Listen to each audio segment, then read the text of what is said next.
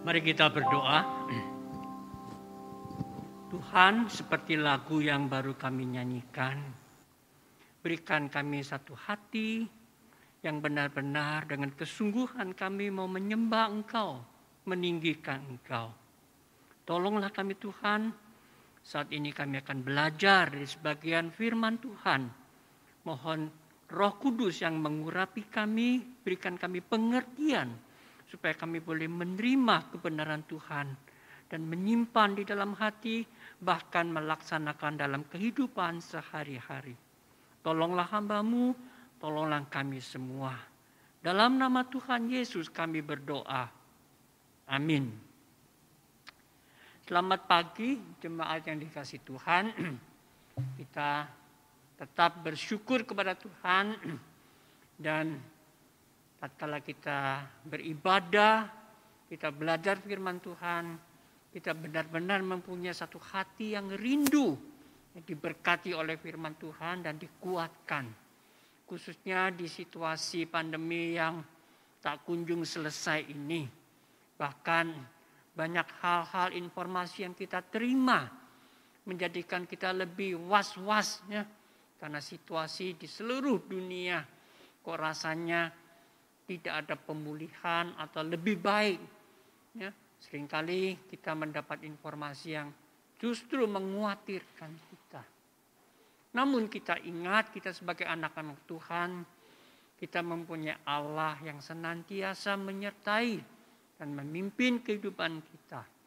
Biarlah kita belajar dari firman Tuhan dan kita selalu mengandalkan tuntunan dari Tuhan. Nah pagi hari ini saya mengajak saudara membaca dua bagian firman Tuhan. Yang pertama, mari kita membuka Injil Matius pasal 28. Kita akan membaca ayat 16 sampai 20. Injil Matius pasal 28 ayat 16 sampai 20. Saya akan bacakan bagi saudara-saudara. Ayat 16 di dikatakan, dan ke sebelas murid itu berangkat ke Galilea, ke bukit yang telah ditunjukkan Yesus kepada mereka. Ketika melihat dia, mereka menyembahnya. Tetapi beberapa orang ragu-ragu. Yesus mendekati mereka dan berkata, Kepadaku telah diberikan segala kuasa di sorga dan di bumi. Karena itu, pergilah, jadikanlah semua bangsa muridku dan baptislah mereka dalam nama Bapa dan Anak dan Roh Kudus. Dan ajarlah mereka melakukan segala sesuatu yang telah kuperintahkan kepadamu. Dan ketahuilah, aku menyertai kamu senantiasa sampai kepada akhir zaman. Bagian yang kedua, kita akan membaca dari kisah para rasul pasal yang pertama. Kisah para rasul pasal yang pertama ayat 6 sampai 8. Kisah para rasul pasal yang pertama ayat 6 sampai 8. Saya bacakan. Maka bertanyalah mereka yang berkumpul di situ. Tuhan, maukah engkau pada masa ini memulihkan kerajaan bagi Israel? Jawabnya, engkau tidak perlu mengetahui masa dan waktu yang ditetapkan Bapa sendiri menurut kuasanya. Tetapi kamu akan menerima kuasa kalau Roh Kudus turun ke atas kamu dan kamu akan menjadi saksiku di Yerusalem dan di seluruh Yudea dan Samaria dan sampai ke ujung bumi. Demikian pembacaan firman Tuhan. Saudara, hari Kamis yang lalu kita baru saja memperingati hari kenaikan Tuhan Yesus. Hari ini tema yang diberikan pada saya yaitu aku pergi, ah, aku naik, ya, dan kamu pergi. Ya. Tuhan Yesus naik ke surga, dan kita diutus untuk pergi. Nah, ada dua hal yang ingin saya bicarakan di sini. Tadi dari bagian Injil Matius yang kita baca merupakan nas tentang amanat agung yang Tuhan berikan kepada para muridnya. Kemudian kisah para rasul yang kita baca tadi membicarakan tentang Tuhan Yesus terangkat naik ke surga. Nah selama ini banyak orang Kristen mencampur adukan dua peristiwa ini. Sebetulnya kalau kita mau meneliti apa yang dicatat di dalam Alkitab, dua peristiwa itu sebetulnya terpisah. Matius mencatat tentang amanat agung, dia tidak membicarakan tentang kenaikan Tuhan. Markus mencatat tentang amanat agung, juga mencatat tentang kenaikan Tuhan. Tapi di dalam catatan Injil Markus pasal 16 ayat 14 sampai 18 itu membicarakan tentang amanat agung, kemudian dilanjutkan ayat 19 tentang kenaikan. Itu begitu langsung Sebetulnya mereka sedang membicarakan aman agung tatkala mereka di dalam rumah, dalam persekutuan. Ya. Nah kita tahu cara penulisan Markus ya, begitu singkat. Sehingga dia tidak mencatat hal-hal yang detail. Nah kemudian kita masuk lagi ke dalam catatan Injil Lukas. Nah kita tahu Lukas adalah seorang dokter. Ya Sebelum dia menulis, dia meneliti, ya, kemudian menjabarkannya sedetail mungkin. Ya. Jadi kalau kita baca di dalam uh, catatan Injil Lukas pasal 24, ya, selain dia membicarakan tentang amanat agung, kemudian dilanjutkan Yesus memimpin muridnya keluar ke Betani di depannya ada Bukit Saitun. Nah, nah kalau kita mau menata semua peristiwa yang terjadi, ya kita mengetahui ya, secara detail setelah Yesus bangkit, dia masih tinggal di bumi berapa lama? 40 hari lamanya. Nah selama 40 hari apa yang Yesus kerjakan? jalan-jalan. Enggak. Ya. Alkitab mencatat paling tidak ada 10 kali ya, nah, peristiwa Yesus bertemu dengan keluarganya, dengan murid-muridnya. Ya, di Galilea dan di sekitar Yerusalem. Nah, sebelum Yesus disalibkan dalam malam perjamuan terakhir, Yesus pernah menegur Petrus karena Yesus, Petrus akan membela, ya, akan merintangi. Yesus ditangkap. Namun Yesus menegur dan Yesus mengatakan dia akan mati dan akan bangkit.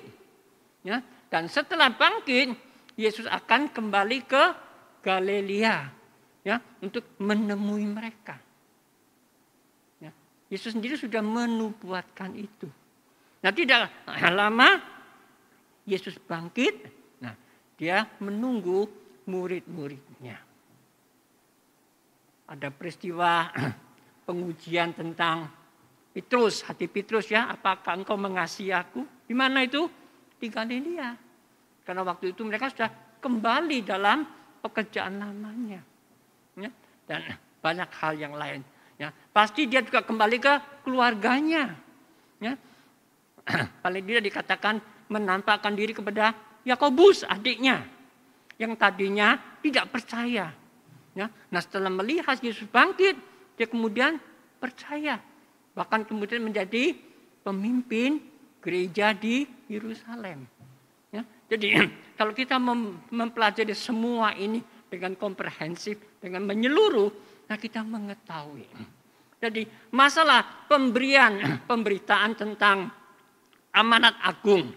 Ya, itu Yesus jelaskan. Kemudian Yesus naik ke surga.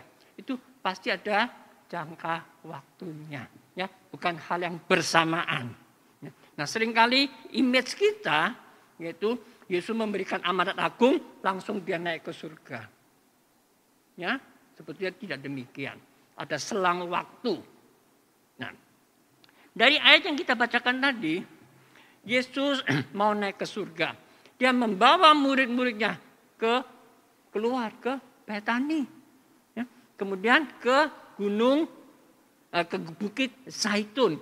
Nah, bukit Zaitun itu tempat yang mereka sudah kenal karena di situ Yesus sering kali berdoa semalam suntuk. Di situ juga adakan persekutuan dengan murid-muridnya. Nah, waktu mereka berkumpul di sana, muridnya bertanya, Rabi, apakah sekarang ini kamu akan apa itu membangkitkan, membangun negara Israel? Karena kita tahu ya, orang Israel waktu itu mereka dijajah oleh pemerintah Romawi. Kehidupan mereka itu menderita sekali, mereka tertekan sekali. Dan mereka mengharap-harapkan ya Allah kami kan umatmu. Kamu menjanjikan Mesias. Kapan? Waktu Yesus datang, loh kok tidak menggalang pasukan, tidak mengumpulkan prajurit melawan pemerintah Romawi. Bahkan dia sendiri ditangkap, diadili, dihukum mati.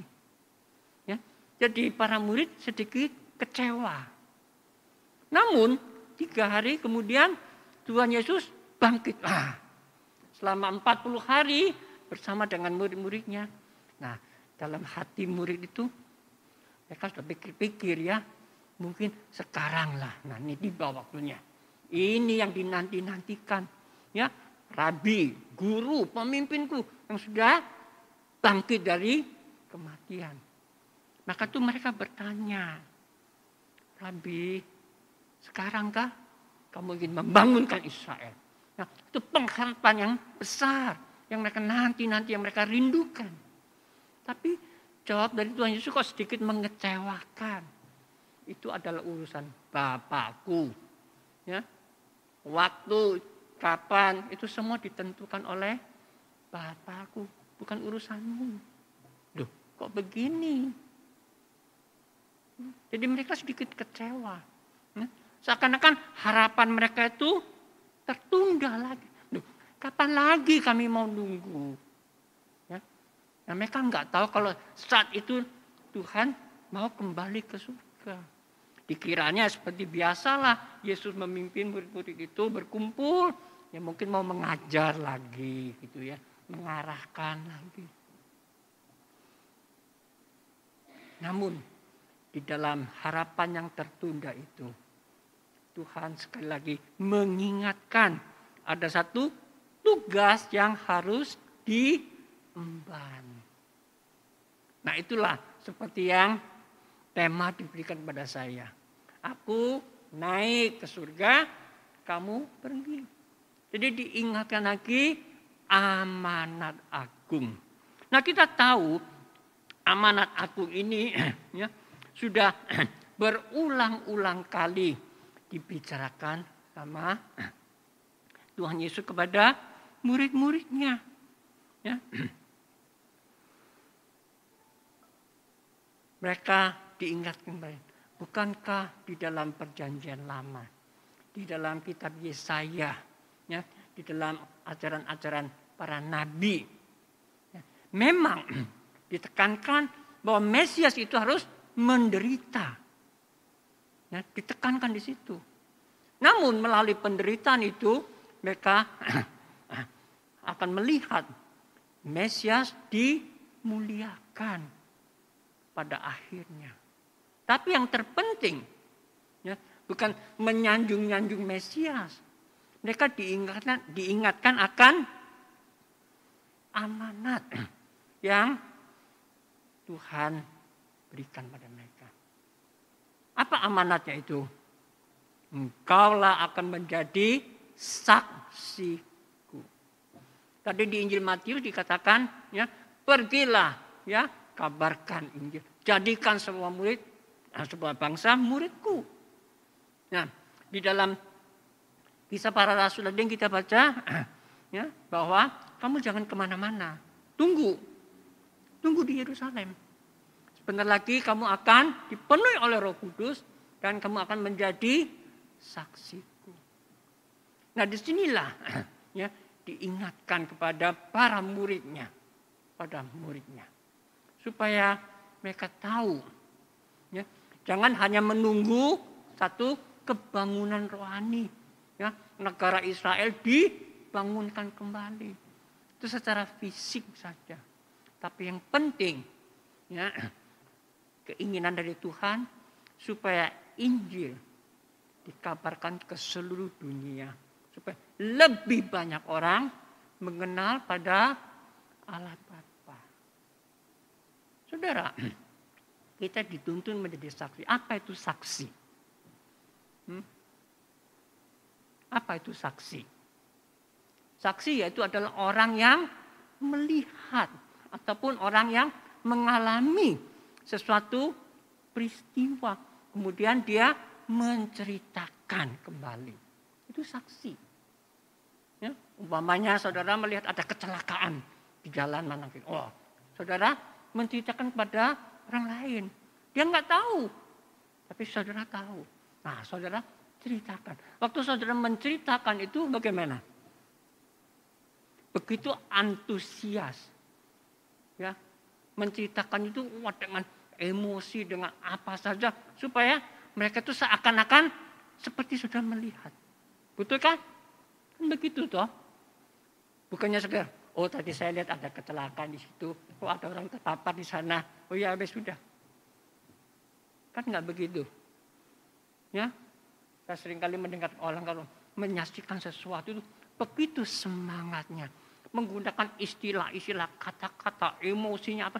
Supaya itu orang yang mendengarnya juga Wah diyakinkan untuk percaya. Betul nggak? Itu adalah saksi yang benar.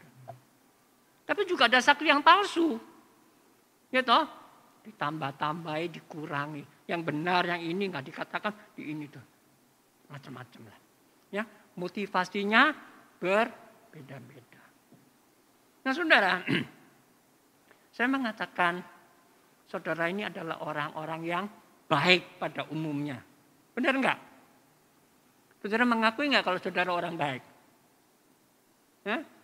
Kalau saya mengacang saudara orang jahat, mungkin saudara enggak terima. Betul enggak? Ya, ya walaupun enggak terlalu jahat ya lumayan lah. Kan sering kali begitu. Nah, kenapa saya mengatakan saudara adalah orang baik? Karena sering saudara juga menyaksikan hal-hal yang baik kepada orang lain supaya orang lain juga bisa menikmati kebaikan. Betul nggak? Ya, kalau ada orang sakit, ya, saudara memperkenalkan obat, memperkenalkan dokter, ya toh, memperkenalkan cara-cara perawatan atau bagaimana supaya orang yang sakit itu penderitaannya dikurangi, ya supaya cepat disembuhkan. Bukankah demikian? Ya, itu juga salah satu ekspresi kalau saudara itu adalah orang baik, ingin membantu orang lain. Ya, khususnya di situasi pandemi seperti ini, ya, di mana-mana banyak orang mengalami kesulitan. Saudara juga ingin memperkenalkan, eh di situ loh ada orang jual barang yang murah, ya, makanan yang murah tapi enak. Betul enggak? Kan saudara juga lakukan seperti itu kan? Ya.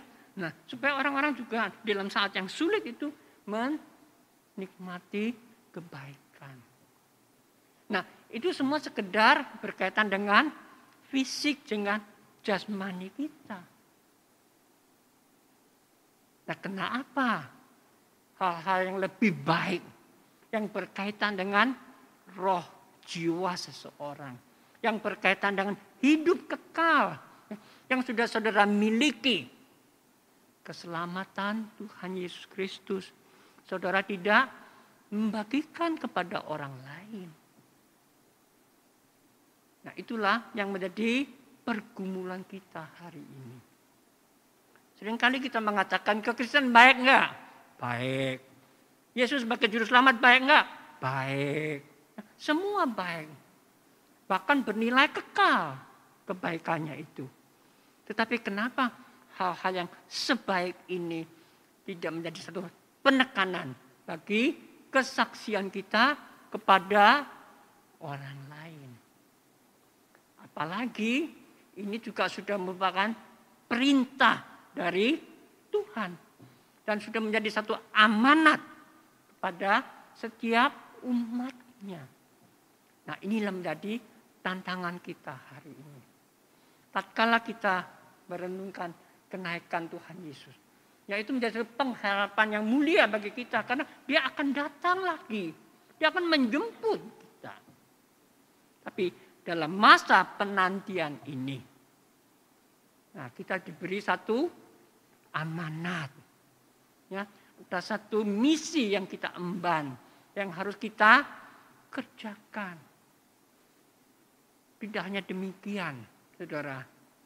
Jikalau kita mentaati, kita melakukan apa yang menjadi perintah Tuhan ini, bahkan kita akan diberi pahala.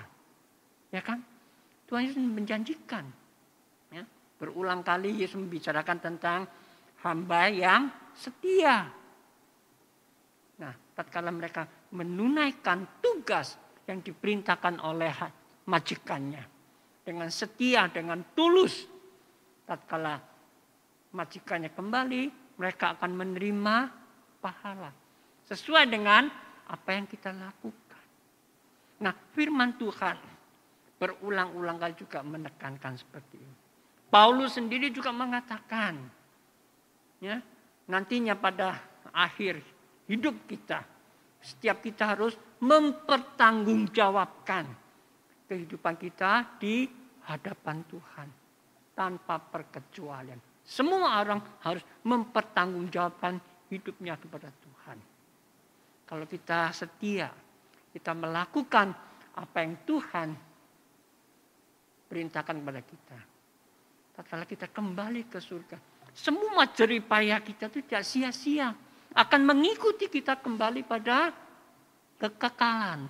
Nah di situlah kita akan menerima pahala yang Tuhan persiapkan. Terus sekalian, nah yang penting sekarang, kesaksian apa yang harus kita sampaikan.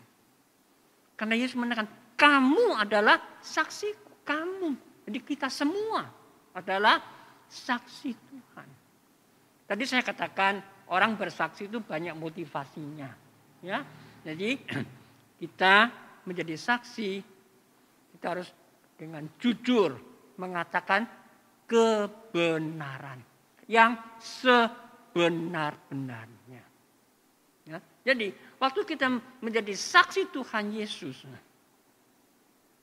baik itu di Yerusalem, Baik itu di Yudea, baik itu di Samaria, sampai ke ujung bumi. Artinya dari tempat yang paling dekat, mungkin di keluarga kita, di tempat kita bekerja, ya, di mana kita berintegrasi dengan masyarakat sekeliling kita, bahkan sampai seluruh kota, seluruh negeri, bahkan sampai ke luar negeri. Artinya di mana saja kita berada. Kita bersaksi. Intinya apa?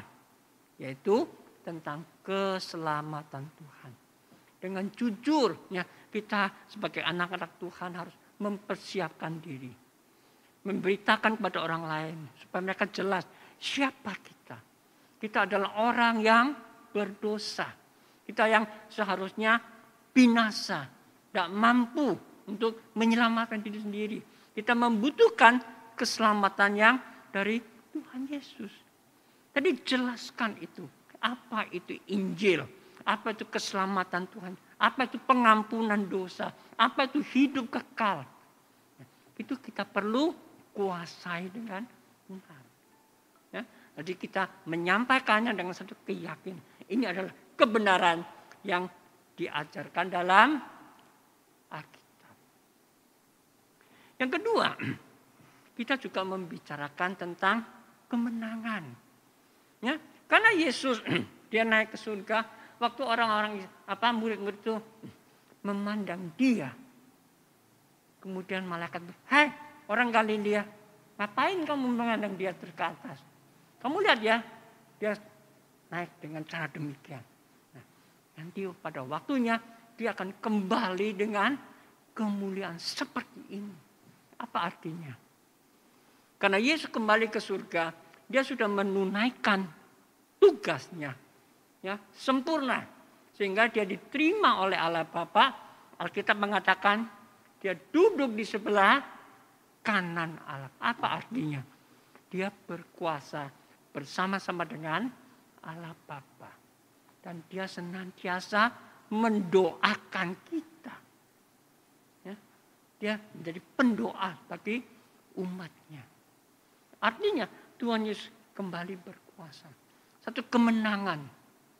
Nah hari ini tatkala kita melayani, tatkala kita menyaksikan perbuatan Tuhan. Tentunya kita juga akan menghadapi banyak tantangan, banyak rintangan. Tidak mudah. Kita melihat hati manusia begitu bebal, begitu keras. Seringkali menolak Injil. Ya, tidak serta-merta kita sampaikan terus mereka mau menerima tidak. Bahkan di banyak-banyak daerah banyak orang Kristen juga mengalami penganiayaan. Tidak mudah. Namun ingatlah kita memiliki Tuhan yang sudah menang atas segala kuasa. Ya, dalam Injil Matius yang kita baca tadi, ya, kuasa di langit di bumi semua sudah diperoleh Tuhan Yesus kita. Jadi kita penuh keyakinan, jangan gentar.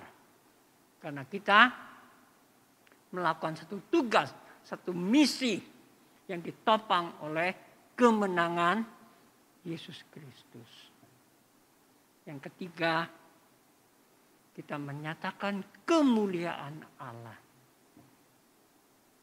Karena pada akhirnya nanti, tatkala Tuhan datang kembali ya, bumi dan dunia ini semua akan diperbaharui.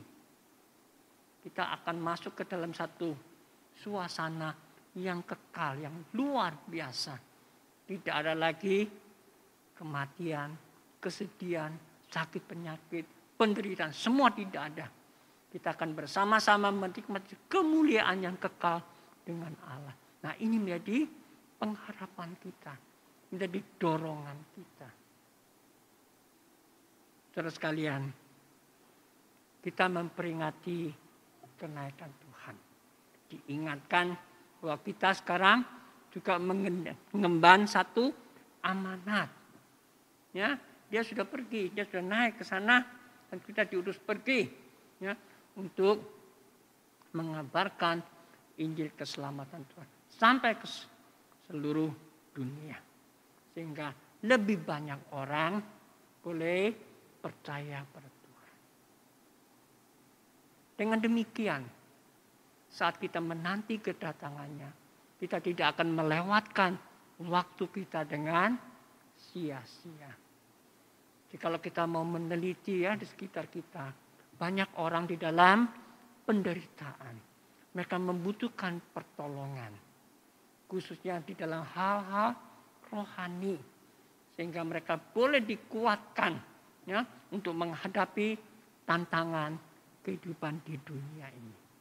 Ini adalah tugas setiap anak Tuhan, setiap orang Kristen. Tidak ada berkecualian. Ingatlah firman Tuhan mengatakan, engkaulah saksiku. Engkaulah saksiku. Tuhan tidak menunjuk yang lain-lain. Tuhan menunjuk kamu dan saya, kita semua. Setiap orang yang sudah mengenal Tuhan, yang sudah diselamatkan, semua mempunyai tanggung jawab ini. Semua mengemban misi ini. Marilah kita bersama-sama bersatu hati menunaikan apa yang Tuhan harapkan pada kita. Mari kita berdoa. Bapak Surgawi kami bersyukur sekali lagi dengan firman-Mu mengingatkan kami supaya kami tahu tidak hanya berharap menanti kedatangan-Mu yang kedua kali. Namun kami juga diingatkan ada satu misi yang kami emban, yang harus kami lakukan. Supaya kami semua sadar kami adalah saksi Tuhan. Tolonglah kami Tuhan, berikan kami kekuatan, kemampuan, kebijaksanaan. Sehingga kami boleh menggunakan semuanya itu untuk meluaskan kerajaan Tuhan di bumi ini. Tolonglah kami Tuhan, dalam nama Tuhan Yesus kami berdoa. Amin.